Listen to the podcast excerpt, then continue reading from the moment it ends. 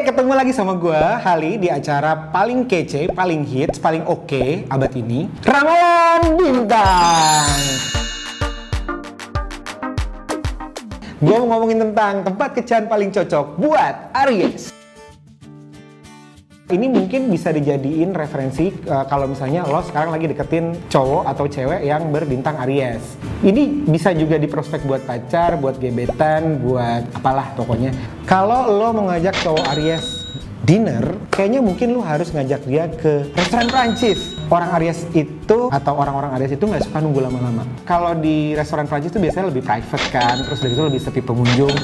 Kalau dia udah lapar, biasanya dia lebih cepat cranky atau dia lebih cenderung marah-marah. Kalau dia udah nanya mau makan apa, itu artinya dia lapar sebenarnya. Nah, tapi dia paling sebel juga kalau dijawab tiba-tiba terserah deh mau makan apa gitu. Jangan pernah jawab terserah. Yang kedua, kita kira mungkin bisa ajak dia ke arena uh, extreme sport. Bisa iya, bisa enggak, tapi mungkin lu ajak dia bungee jumping. No, maksudnya bungee jumping atau misalnya ajak dia arung jeram basah-basahan biasanya Aries nggak masalah. Terus selain extreme sport, mungkin lu juga bisa ajak dia ke konser musik.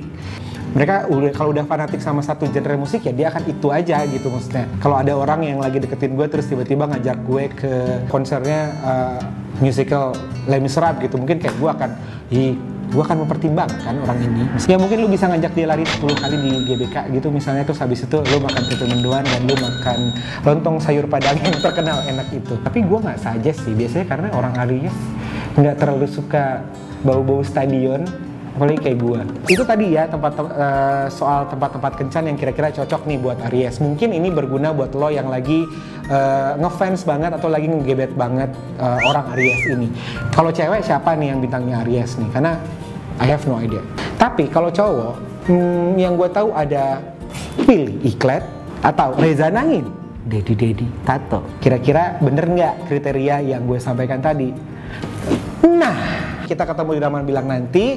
Jangan lupa komen, jangan lupa like, jangan lupa subscribe, jangan lupa kalau yang mau endorse apa aja boleh. Ya udah, sampai ketemu lagi di Ramalan Bintang.